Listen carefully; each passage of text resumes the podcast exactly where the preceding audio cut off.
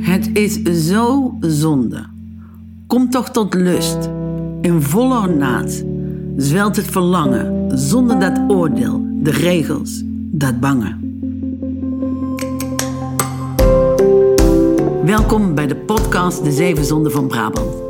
Deze aflevering staat in het teken van de zonde waar we het meest krampachtig mee omgaan van allemaal: lust. We voorspellen de toekomst door de rafelranden van de maatschappij op te zoeken. Gaan langs in de Gossenbuurt van Eindhoven en vergeten niet dat lust zomaar tot kindjes kan leiden. Ja, dan waren we hier aan het spelen en ja, dat was voor hen niet fijn hè. Dan konden ze werk niet doen en dan kregen we een gulden. Vroeger, dat was vroeger veel geld, dan konden we snoepjes kopen, Antje Wimmer toen, we hadden toen een, eh, zo'n bruin cafeetje. Ja, dat was vroeger. Ja, vroeger stond aan iedere paal stond er eigenlijk een, eh, een vrouw te werken, prostituee te werken. En- Zo was het vroeger. We zijn in Woensel West. Er is hier veel veranderd. Maar sommige dingen veranderen niet. Kijk, maar als hangende, kijk, het is als hier iemand die dus naar die eh, prostituees gaat en die rijdt tegen iemand zijn auto aan, die leggen er geen briefje bij. Of, het, of jij moet toevallig langslopen en jij het ziet. Anders stoppen ze niet. Want er mag thuis geen briefje komen van. eh, Nee, dat snap ik. Kijk, snap je wat ik bedoel? Kijk, maar als thuis een briefje komt, Edisonstraat, dan zeggen ze, oh, daar, dat daar, ben je, daar ben je geweest. is die hoerenbuurt. Oppassen dus waar je je auto neerzet. Sociaal ontwerper Tom Loijs heeft ons hier uitgenodigd. Met zijn project Het Rode Licht onderzocht hij een halve eeuw prostitutie in deze wijk. Want dit heet Woensel West. Dit is Woensel West, ja. Dat, eh, dat klopt. Ja, geografisch is het volgens mij een beetje dubieus of dat nog echt wel zo is. Ik, ik, ik heb ook ooit geweten trouwens waar die naam vandaan kwam, Woensel. Maar ja, het is voor, op een gegeven moment is Woensel West meer een... Ja, het is bijna een soort van geuzennaam geworden eigenlijk nou in deze, in deze regio. hè. Het is natuurlijk ook wel bekend, volgens mij ook wel landelijke bekendheid. En, eh, een probleemwijken-uitzending hier eh, ook over gehad. We staan ook voor nu inderdaad. We zijn net afgeslagen bij de, de Edisonstraat, de bekende Edisonstraat. En we lopen nu het, eh het Bakerlandplein op. Het, het hoerenbuurtje, zeg maar. Ja, de sekswerkers die zitten hier. Ja. Die zijn hier in 2005, eh, of 2001 volgens mij trouwens al. Zijn ze mee begonnen. Zijn ze hier eh, langzaam uit de wijk verdwenen. Ze zaten eerst zeg maar, in de woonwijk verspreid. Gewoon tussen de families en gewoon in, in het woonblokje. Op een gegeven moment hebben ze dat gesloopt. En gedacht, ja, we willen het centraliseren. We willen het concentreren eigenlijk. En hier is nou keurig eh, een hofje, zeg maar. Hallo.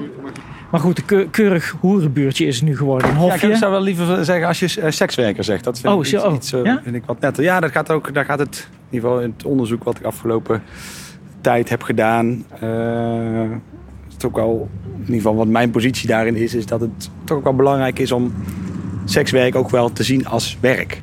Maar goed, je Ja. had dus eerst verspreid in de wijk eh, zaten overal sekswerkers. Klopt. Beetje tussen de mensen. En toen is het op een gegeven moment hier gereguleerd en is het hier op zo'n pleintje terecht. Ja, het is, eh, er was best wel veel overlast. Eh, niet zozeer van de sekswerkers zelf, maar je had heel veel mensen die met de auto's door de straten heen reden. Het waren smalle straatjes, eenrichtingsverkeer. Ehm, ja, het zorgde voor veel onrust eigenlijk ook in de wijk. Mensen kwamen ook lang niet altijd de sekswerker bezoeken, maar gewoon een beetje, ja... eh, Rondlummelen, ja, kijken. ik was zelf ook zo'n jongetje van 16 die hier dan ook eigenlijk kwam. Ik had hier gewoon niks te zoeken eigenlijk. Maar wel spannend. Ja, precies. Maar eh eh, er gebeurden ook dingen die gewoon niet zo eh, prettig waren of niet zo fijn waren. En ze wilden er eigenlijk meer grip op hebben. Toen hebben ze dit pleintje eigenlijk, want er waren ook allemaal woonhuizen, hebben ze opnieuw bestemd eh, met als doel een, eh, een sekswerkplek eigenlijk. En ook met duidelijk één op- en afgang. Gaat om twee uur gaat die poort dicht. Eh, dus dan kunnen hier mensen niet meer, eh, niet meer naar binnen. Zodat er ook eigenlijk eh, wat meer controle als het ware eh, plaats kon vinden. Is het er beter op geworden, zeg maar, voor de buurt? Eh, ja, Daar moet je lang over nadenken. Ja, het, eh, ik bedoel, dus de- deze ontwikkeling staat ook niet op zich. Hè. Er zijn heel veel dingen gebeurd. Dus als je hier om je heen kijkt, zie je heel veel nieuwe panden gebouwd met nieuwe winkeltjes. Eh, er is eh, aan de trottoir dingen allemaal van alles gedaan. Er zijn heel veel buurtinitiatieven opgekomen. Er zijn nieuwe mensen komen wonen. Dus ik denk niet dat een verandering als, als dit per se eh, een, een, een concrete aanleiding is om te zeggen van nou ja, de buurt is beter geworden. Maar ja, ik heb zelf wel. Kijk, wat is beter of zo? Dat vind ik ook wel een interessant idee van ja, beter is dat zo als je een bepaald deel van de samenleving wat je niet wil zien, als je dat meer verstopt, is het dan per definitie beter? Uh, is het beter voor de, de acceptatie van sekswerkers als ze meer zo bij elkaar geclusterd zitten en minder verbinding hebben met die wijk? Ik vind, ik vind van niet. Uh, als je met mensen praat die ertussen woonden, zeker de oude generatie, vooral de Nederlandse uh, uh, mensen, echt de woenselaren. Ja, dat was gewoon werk. Gewoon. Er, was, er was niks, echt helemaal geen verschil als de, ene buurvrouw een kapper was of de andere buurvrouw een sekswerker. Er zijn hartstikke mooie verhalen, ook, van, uh, ook pragmatisch. Van ja, ons Janine die wil paardrijden, maar dat is gewoon een dure sport. Dus ja, ik ga dan gewoon af en toe een beetje voor het raam zitten. En dan had je gewoon een kamerschermpje erin en die kluste gewoon zo wat bij. En dat was gewoon, ja, de de geuzennaam was op een gegeven moment ook tantes. Dus de, de, de, voor de jeugd die hier opgroeide in de wijk... Uh, werden de sekswerkers eigenlijk tantes genoemd. Dat was heel veel sociale controle. Die zaten natuurlijk altijd naar buiten te kijken. Uh, dus he, al, al, al, je zou kunnen zeggen, misschien is het ook wel de sociale controle achteruit gegaan... omdat de sekswerkers niet meer zijn. Ja. Maar het hangt er van heel erg vanaf ik bedoel, het is zo'n groot stukje, zo'n stedelijke verandering. En, en, en, sekswerk is daar een klein onderdeel van. Dus ik ben voorzichtig om daar een, een kausaal verband in, uh, in aan te brengen.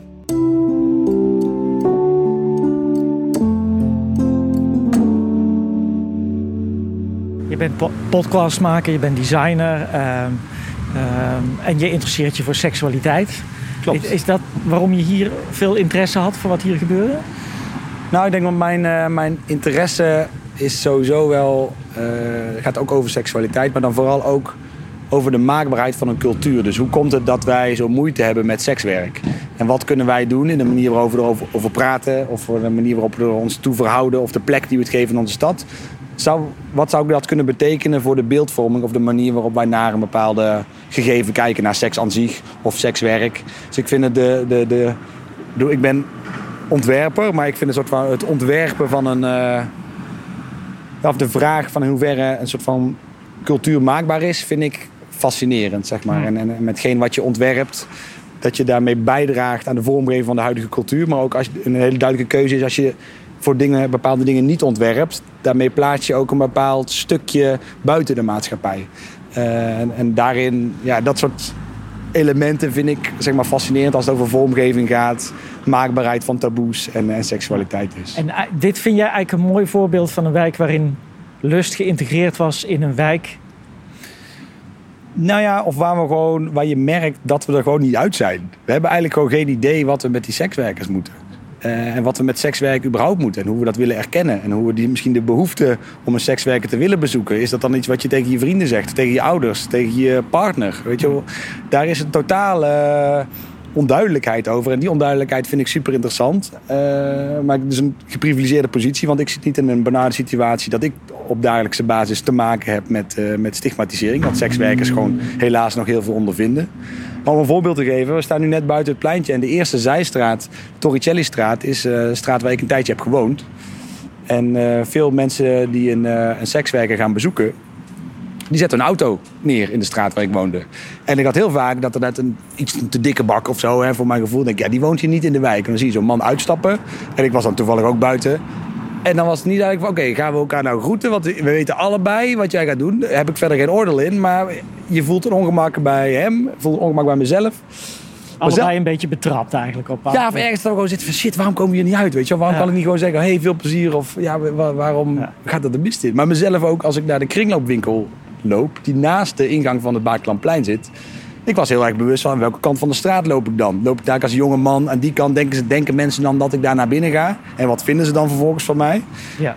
Daarin merk ik gewoon, er is nog heel veel ruimte om uh, over na te denken en, en actief mee bezig te zijn. Om na te denken, oké, okay, welke rol speelt seksleven of uh, sekswerk in, uh, in de stad, zeg maar. Ja. Het viel me wel op dat er zoveel van die sekshuizen zijn. Ook, maar volgens mij is dat in elke grote stad eigenlijk wel aan de hand. Wat ik daarin wel interessant vind, is dat Eindhoven dan wel een goed voorbeeld is waar... Ja, ik kan even alleen maar eh, René Gude hierbij uh, citeren van het beest in de bek aankijken. Dat zei in een hele andere context. Maar dat in ieder geval wel heel duidelijk wordt gaat gekeken van oké, okay, dus, uh, die sekswerkers die verdienen een plek in de stad. En daar moeten we gewoon goed mee omgaan. Waarin je merkt in heel veel grote steden, of het nou Utrecht is of Amsterdam... Uh, dat wordt gewoon eigenlijk langzaam weggewerkt. Ja, en daar komt ja. niks voor in de plek. Ja. En ze denken van oké, okay, als we maar wegduwen, dan verdwijnt het wel. Terwijl hier in Woensel bleek dat het ook wel romantisch kon zijn op een of andere manier. Nou, Om het geïntegreerd te hebben ja, dat in het ook, ja, dat hoort Dat er het gewoon, gewoon bij. werd. En het is ook oké dat je soms het misschien niks vindt dat er iets zit. Maar het geeft wel, of dat er een- zo'n pleintje zit. Maar het geeft misschien ook wel ruimte om het erover te hebben. Dus juist met je kinderen als je er langs loopt. Hé, mama, wat is dat eigenlijk? Nou ja, hier gebeurt dit. Ja. Het maakt je ook wel wereldwijzer. In plaats van als je die dingen allemaal verder wegzet. Ja, dan, dan komt het misschien ook minder makkelijk ter sprake. Mijn opa en oma namen me ooit mee naar de Wallen, bedenk ik me nu. Die, eh, Ja. Toen liep ik daar langs en toen heb ik met mijn moeder die avond, toen ik in bed lag, zo, mama, waar is het dan precies? Dus heeft ze nog een keer een beetje uitgelegd. Ja, dat, had alleen maar, dat gesprek hadden we alleen maar gehad omdat ik daar langs ben geweest. ja, ik ben wat dat betreft wel echt iemand die veel meer van het reguleren is Ja. eh, dan het verbieden. Ik denk met ver- verbieden, Legaliseren en reguleren. ja, ja. En, en, en ook het regulerend vermogen van de sector zelf niet onderschatten. Hm. En niet alleen maar altijd met die regeltjes van bovenaf kunnen doen. Maar het zijn geen domme mensen die dit doen. Hm. En eh, ik zou het jammer vinden als dat stigma eh, er zo aan blijft zitten. Terwijl het zijn super... Ja, ik denk ook van het is bijna jammer dat je niet sekswerk op je cv kan zetten. Dat is toch te gek, want je leert zo, je hebt zoveel mensenkennis. Daar, daar, daar- volgens mij staan bedrijven daar om te springen. Waar het niet dat het dan problematisch is van dat iemand sekswerker is geweest. Dan denk ik, ja, waar heb je het in hemelsnaam over?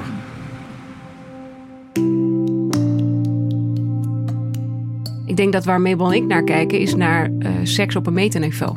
Dus op een hele andere manier dan alleen maar seks en de daad. En of dat zondig is, ja of nee. Ja, en ik denk dat wij het begrip zondig ook wel wat anders interpreteren. Namelijk een- bewust niet kiezen voor het goede, zo noemde jij het toch? Dat het voor ons ook echt is eh, hetgeen wat niet geaccepteerd wordt door de goede gemeente. Zo hebben wij het meer benaderd. Je Janneke Scholtens en Mabel Nummerdor. In een boek Holy Fuck gaan ze, zoals ze het zelf mooi omschrijven, op expeditie naar de toekomst van seks. Daar wil ik meer over weten. Zonden lenen zich meer dan uitstekend voor een toekomstverkenning, omdat ze haarscherp weergeven waar de pijn zit. Leg eens uit, hoe, hoe moet ik dat zien? Hoe interpreteer ik dat?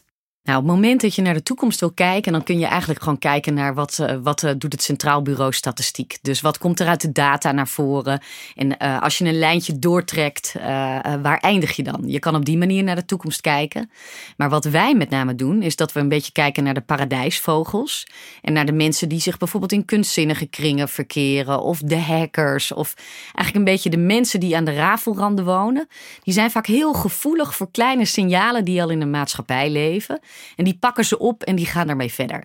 Neem bijvoorbeeld een David Bowie, die eigenlijk ook al in de jaren zeventig enorm speelde met zijn mannelijkheid en vrouwelijkheid. Zichzelf niet in een hokje liet duwen. Dat is een heel goed voorbeeld van zo'n artiest, van iemand die aan de randjes leefde en daarna op zoek ging. En wat zien we nu? Nu zien we die hele discussie omtrent gender, dat mensen zich niet meer in een man- of vrouw hokje willen plaatsen, zie je veel groter worden. En dat zie je eigenlijk gewoon een massalere beweging worden. Dus door te kijken naar die mensen die zich een beetje aan de randen begeven, kun je een heel goed gevoel krijgen voor welke kant de toekomst zich kan ontvouwen. Het zijn een aantal opties. Eigenlijk gaat het erover, een zonde vangt heel goed wat de tijdgeest is. Je kan heel goed zien aan als iets nog een zonde is... of dat een zonde langzamerhand aan het oplossen is... en dat iets anders een zonde wordt. Je had, vroeger had je de eh antropologe Gil Rubin, die had de Charmed Circle gemaakt. En daarin stond, wat vinden wij nou precies bijvoorbeeld normale seks? En dat was dan vroeger vanille seks. Dus een man en een vrouw in een heteroseksuele... Vanille? Vanille, ja. Net zoals Van vla. vanille, vla, ja. Oké. Daar moet ik ook altijd aan denken als ik het hierover heb. Maar een man en een vrouw in een huwelijksbed van gelijke aantrekkelijkheid, Gelijke leeftijd gelijke ook. leeftijd. En op een gegeven moment kwam daar homoseksualiteit bij. Dat kwam dus in die binnenste cirkel van wat normaal is. Dus wat eerst een zonde was, homoseksualiteit, is nu inmiddels gewoon mainstream gemeengoed geworden. Dus je ziet heel erg, een, zonde kan je heel goed bekijken vanuit is dat iets wat wij nu zondig vinden met elkaar of niet? Is er dus een tijdgeestverandering of niet? En wat jij nu zegt met gender, dat is er natuurlijk ook eentje die heel erg normaal is geworden. Dat je kan spelen met je eigen gender. Ja, maar Dat heel de even HEMA over... bijvoorbeeld geen jongens- en meisjeskleding meer heeft, maar gewoon een unisexlijn. Omdat we niet meer willen dat kinderen zich in een hele sterke richting ontwikkelen die voorgeschreven is. Die Ja. eigenlijk al bepaalt wat je gaat worden. Maar voor David Bowie was het geen zonde. Het is niet zozeer een zonde, is het falen om goedheid te kiezen. Zo, zou, zou, zo, zo, zo omschrijf ik het een beetje. Toen, als je het dan over die kunstenaars hebt in die rafelrandjes, was dat geen zonde. Dat kwam oprecht eruit. En dan zie je dat het voor de mensen die er naartoe kijken, is het dan een zonde. Het moment dat het dan Ja, ja. zich inter- Dus zij zijn de voorlopers. Wij kijken Ja. zeg maar aan de voorkant. Wij kijken aan de rafelranders, zoals jij dat zegt. Of bij, wij kijken bij de afvalligen, de koplopers, de designers, de kunstenaars. Degene die als eerste het signaal geven... misschien wordt dit straks wel normaal en niet meer zondag. En dan zie je dat er een soort waardeverschuiving ontstaat. Dat, er een soort, dat wij met z'n allen dat normale gaan vinden. En dat we een David Bowie nodig hebben... Exact. om met z'n allen die kant op te bewegen... en iets dus niet meer als zondig te beschouwen. ja. Nou, seks heeft wat dat betreft een veel bredere definitie. Dus seks gaat ook over macht. Seks gaat over je manifesteren als individu. Seks heeft ongelooflijk veel gezichten. En dat was voor ons ook de reden dat wij in dat seksonderwerp wilden du- duiken. Omdat eigenlijk als je seks onderzoekt, de toekomst van seks, dan leer je alle kanten van het gezicht van de menselijke toekomst kennen. Dus je ziet dat we van monogamie, dus dat heilige duo, dat je altijd met z'n tweeën bent. Mijn oma, uit Brabant overigens, is gestorven. Helemaal alleen nadat ze haar man al 30 jaar kwijt was. Die heeft Ja, nooit een au, andere liefde ai, gehad. ai, ja. ja. Want ze had er maar één. Eh, dat was net als de, de relatie met God, had ze de relatie met één man. Zo, zo was het. En nu zie je dat we dan nog een nieuw liefdesavontuur beginnen. Maar het zou goed zijn dan als we zouden gaan scheiden of bewust die levensfase afbinden. De kinderen zijn het huis uit. Ja. We bedanken meneer ook. Hij krijgt een referentiebrief mee. Ja. Dus dan kan jij daarmee beginnen als je een nieuwe hebt. Nou ja, je ziet dat ja. scheiden ook gevierd wordt tegenwoordig. Hè? Dat mensen dus op een andere manier uit elkaar gaan. Dat Nou, het net dat zo feestelijk zijn. is als een huwelijk. Ja. Ja. op die manier moeten we ook pionieren. Als je ziet hoe de meeste scheidingen nu gaan. We kunnen onze kinderen natuurlijk niet meegeven. Dat er zo gevochten wordt, getouwtrekt. Die houdt het geld en die houdt de kinderen. Dit kunnen we onze toekomst natuurlijk niet doorgeven.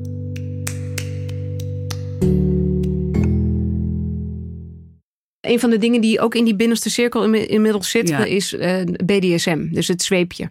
Dus je zag dat dat eerst iets was wat in de, in de kelder en spannend. En dan mocht je het allemaal niet met elkaar over hebben. En dat was totaal niet mainstream. Kon je eigenlijk nog niet doen. De zondige hoek. De dus. zondige hoek. En nu zie je dat de zweepjes naast de citruspersen op de huishoudbeurs liggen.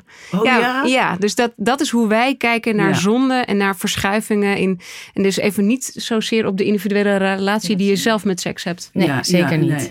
Oh, en ik heb mijn kinderen alleen grootgebracht. En ik dacht altijd, ik zou het heel goed doen in een harem.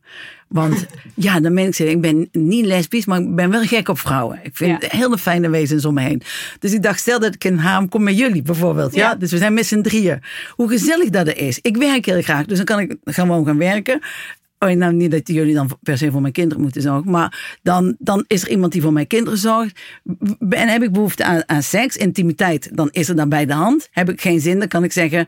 eh oh, vanavond niet gaan we naar Mabel. Ik geloof dat zij zin heeft. Dan voel ik mezelf ook niet schuldig. Ja. precies. Maar dat is natuurlijk ook het, het idee van het, eh, het, het hebben van een monogame relatie. Dat dat eigenlijk de enige geaccepteerde vorm is. En als wij wat verder in die liefdesrevolutie duiken, dan zie je ook echt de eerste signalen al van ontstaan. Eh, zie je dat eh, polyamorie eigenlijk ook Voilà. steeds meer voet aan grond krijgt. Ja, en hoe hardnekkig dat in mijn hoofd is dat het maar de one and only is. Ja, maar dat- wij noemen dat het duo-dominante denken, vermoedelijk Ja. gezegd. Dus wij denken allemaal in duo's. Zo ben je opgegroeid. Dat heb je waarschijnlijk zelf ook aan je kinderen meegegeven. Omdat wij, wij En denken... en vooral- reclames. Ja, en we kijken even naar Brabant. Het is natuurlijk een, een christelijke provincie van origine. Maar daar staat natuurlijk heel groot met, met, met hoofdletters ongeveer twee eenheid overal overheen geschreven. Dat is ons hele waardesysteem. De beddenfabrikant maakt zijn bedden op twee personen. De, het pensioensysteem, het huwelijk, alles is op twee. Dat is zo... Op, op een gegeven moment schrijven we dat volgens mij ook in het boek. Dat als je bij zwanen staat, dat je aan je dochtertje vertelt... kijk dan, die blijven hun hele leven bij elkaar. Ja. Dat is wat we doorgeven. Of ook wat films natuurlijk aan je meegeven. Terwijl als Ja. je nu kijkt, dat, de, dat duo is helemaal niet meer heiligmakend. Er zijn zoveel meer smaken. Je ziet het aan samengestelde gezinnen. Aan mensen die juist verkiezen om een single bestaan te hebben. Ja. En we zijn ook veel langere periodes alleen in ons leven. Eh, of juist de polyamoreuze variant. Heb je dan niet daardoor meer individualisering in de samenleving? Ja, maar dat is de grondslag, denk ik, van alles wat er hier gebeurt. Ook op het Geef gebied je van nou seks. toe dat we alleen geboren worden en alleen doodgaan? Nou, dat wel dat ik echt mega belangrijk is, ook in het beleven van seksualiteit. Ja. Kijk maar eens gewoon naar de hele Joy Toy-industrie. Maar het gaat toch ook nu erom dat jij de ruimte hebt om zelf de keuze te maken wat bij jou past in welke levensfase. Dus misschien heb jij Ja, op een gegeven moment een, een bepaalde periode gehad dat je heel graag single wilde zijn. Daarna heb je die ene liefde die dan verkeerd is afgelopen gehad.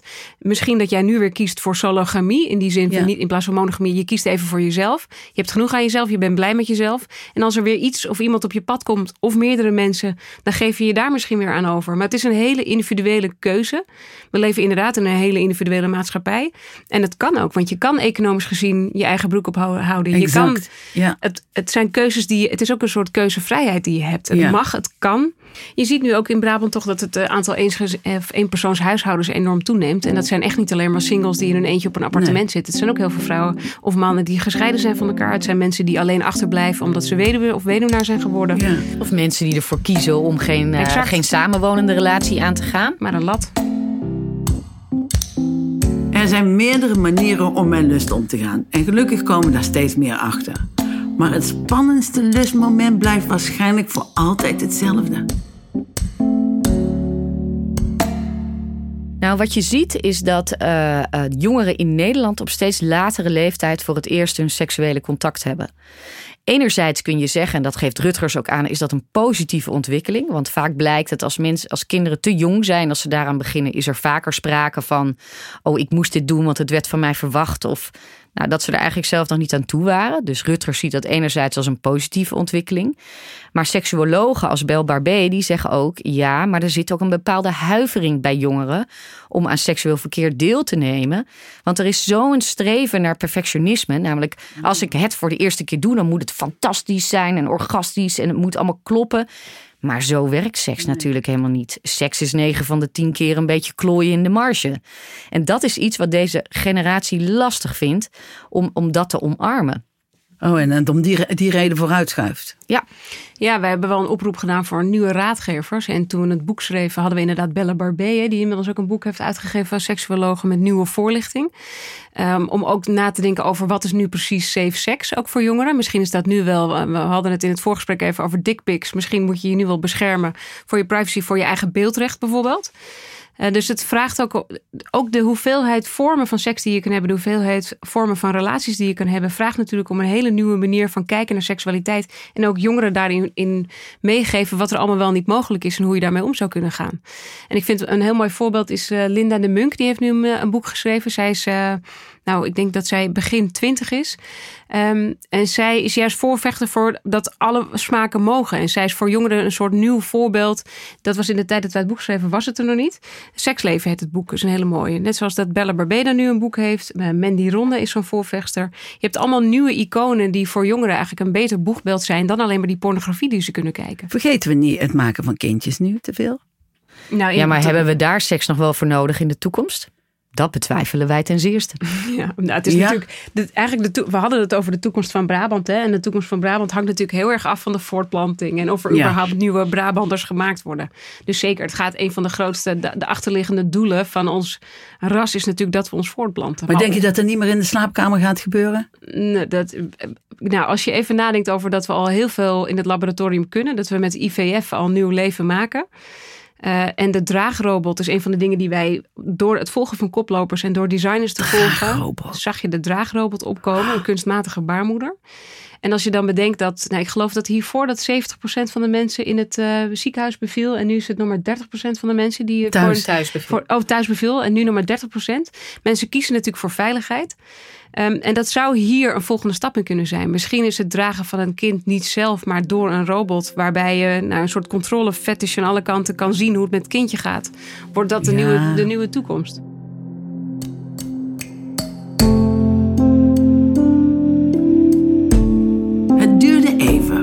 Maar we zijn er dan toch.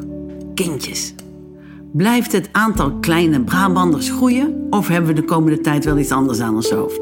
We hebben verslaggever Theo op pad gestuurd om naar antwoorden te zoeken. Ik moest even denken, twee, eh, twee heren op een bankje in een park. Op leeftijd eh, Ja, en ja. die gaan over lust praten. Dat Ja. kan- ja, dat kan niet goed gaan. Nee. Dat is op zijn minst verdacht. Theo zit op het bankje met Jan Latten.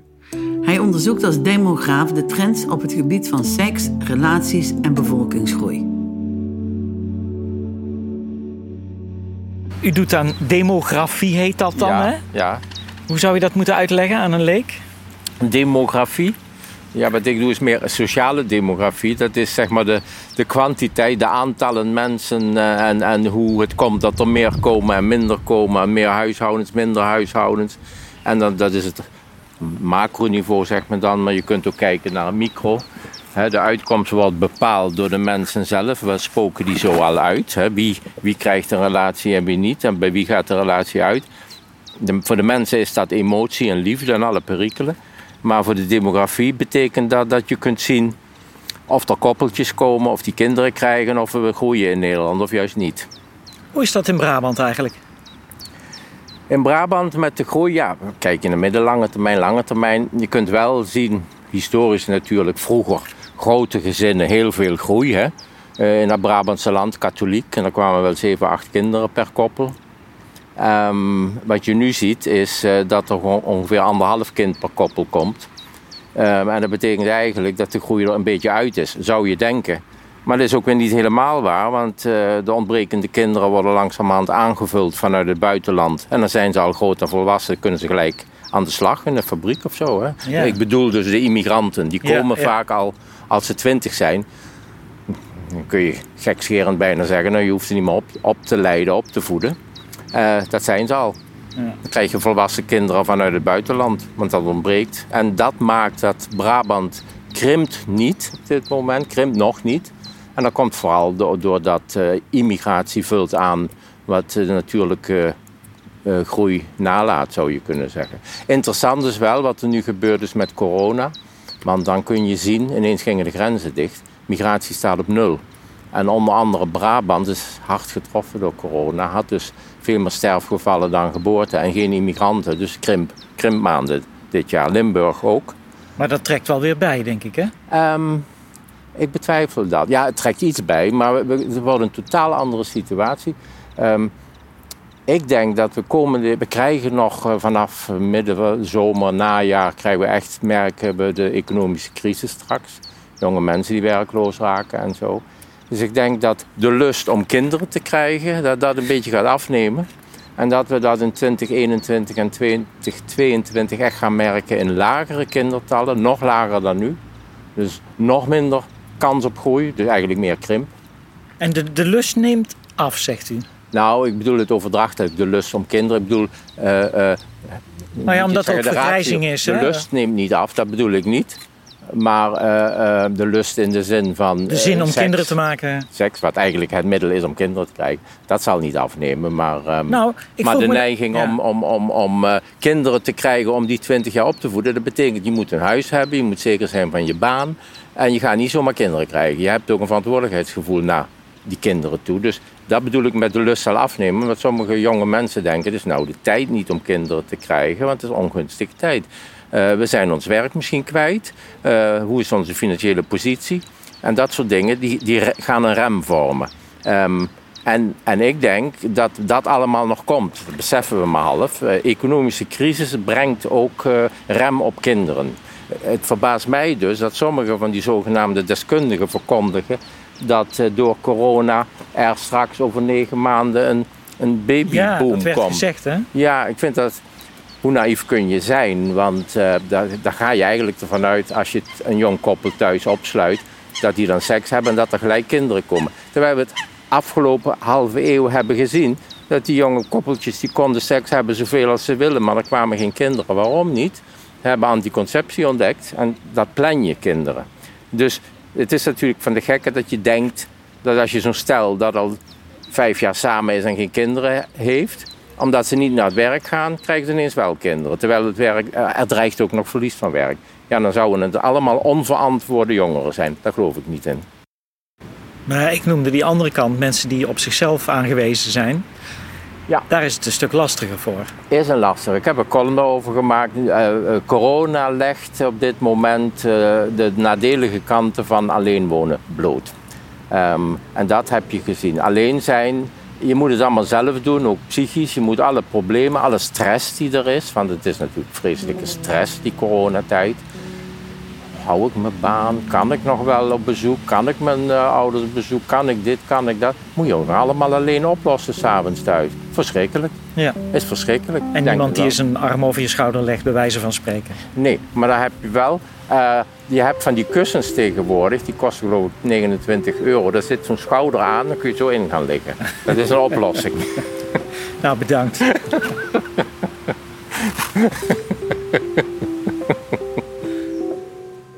De heren lachen er een beetje om, maar wat moeten we dan? In deze individuele samenleving waar afstand houden deugd is geworden en elke aanraking een zonde. Verdomme. Maar hetgeen waar we natuurlijk ontzettend wat, wat nu is in een soort versnelling is gekomen door het coronavirus, is dat we natuurlijk zien dat we alleen maar naar menselijke, menselijke interactie verlangen, naar connectiviteit, naar echte verbinding. Dus ik geloof wel heel erg in, uh, wij, wij noemen dat de huidhongersnood. Eigenlijk uiteindelijk is de holy niet een beetje uit de fuck aan het sluipen als we dat scheppend vermogen van de mens opzij schuiven en alles laten vervangen door technologie. Want met alles wat we nu over tafel hebben laten komen, kun je seks hebben door technologie, je kan daten door technologie, je kan nieuw leven creëren door technologie. Je kan een partner hebben. Je kan een partner hebben. Je kan zelfs een nieuw leven creëren en laten dragen door een robot straks. Verdwijnt de holy dan dus niet uit de fuck? En moeten we het niet terug eisen en weer terugbrengen naar de menselijke maat? En terugbrengen van tussen jou en mij. dus ik denk dat je gelijk hebt. Ja, ik denk dat corona ons terug heeft gebracht naar onze fabrieksinstelling. Ja, een soort reset. ja, een reset. Je luisterde naar De Zeven Zonden van Brabant. Dat is een podcast van Brabant Kennis en dit keer verkenden we het thema lust. Vond je dit nou een fijne podcast om te luisteren? Er zijn er nog zes en die kun je nu vinden in je favoriete podcast-app. Deze podcast wordt geproduceerd door Johnny Wonder, eindredactie Thomas Hogeling, muziek en montage Rinky Bartels, reportages door Mino Remmers en Theo Verbrugge. Het eindlied is van Björn van der Doelen, het gedicht is van Merel Morre en ik ben Karin Brugs. Speciale dank aan Mabel Nummerdor, Shanneke Scholtens, Jan Latte en Tom Loijs. Tot de volgende keer. Houdoe. Mensen en hebt slechte mensen. Soms zijn ze een beetje lastig uit elkaar te houden, want goede mensen doen soms slechte dingen. En slechte mensen doen soms ook goede dingen. Tuurlijk. In sommige gevallen is het gewoon duidelijk. Dit is een door en door slecht mens. Hè? Adolf Hitler, Jozef Stalin, Giel Pelen, Pol Pot. Slechte mensen. Maar in de meeste gevallen is het wel lastiger te zien. Waar we het echt aan kunnen zien is niet zozeer het wat men doet of zegt, maar het waarom. Waarom doen de mensen de dingen die ze doen?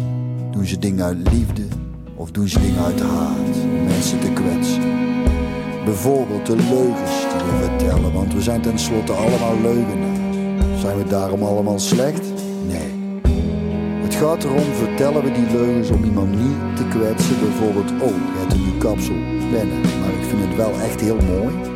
Of vertellen ze om iemand juist wel te kwetsen? Die en die zei daar over jou. Maar leugen is om zowel degene tegen wie je het zegt, als mede degene over wie je het zegt pijn te doen.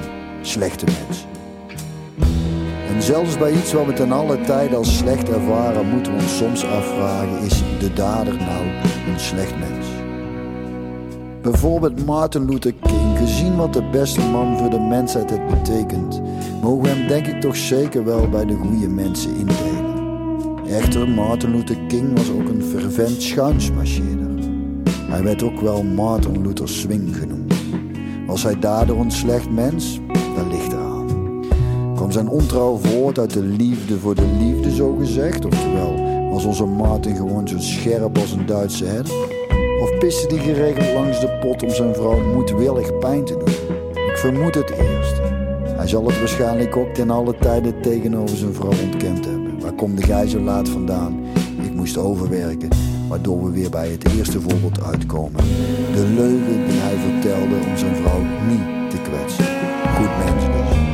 En zet dat tegenover het vreemdgaan uit bijvoorbeeld wraak, wat de partner juist ter oren dient te komen, zodat deze zich gekwetst voelt, dat er kennelijk een rekening te vereffenen valt. Waar komt de gijzelaar vandaan? Ik ben weer vreemd gegaan, wel trust en zie een slecht. Goed, wat kunnen we hier nou mee? We kunnen nou onderscheid maken tussen goede en slechte mensen. De goede mensen, daar moeten we van houden. Die moeten we soms vergeven, de fouten, de tekortkomingen, de momenten dat ons pijn wordt gedaan, want weet dat de goede mensen dat niet doen om ons pijn te doen, maar omdat het simpelweg ook maar gewoon mensen zijn, met al hun zwakheden en onhandigheden.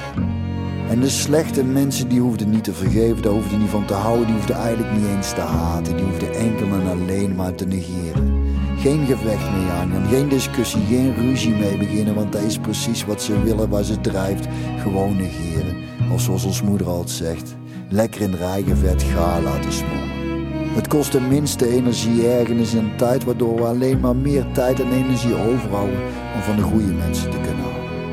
Ik heb voor het gemak mijn eigen ingedeeld bij de goede mensen. Dus hou van mij. En ik zal ook onvoorwaardelijk veel van jullie houden.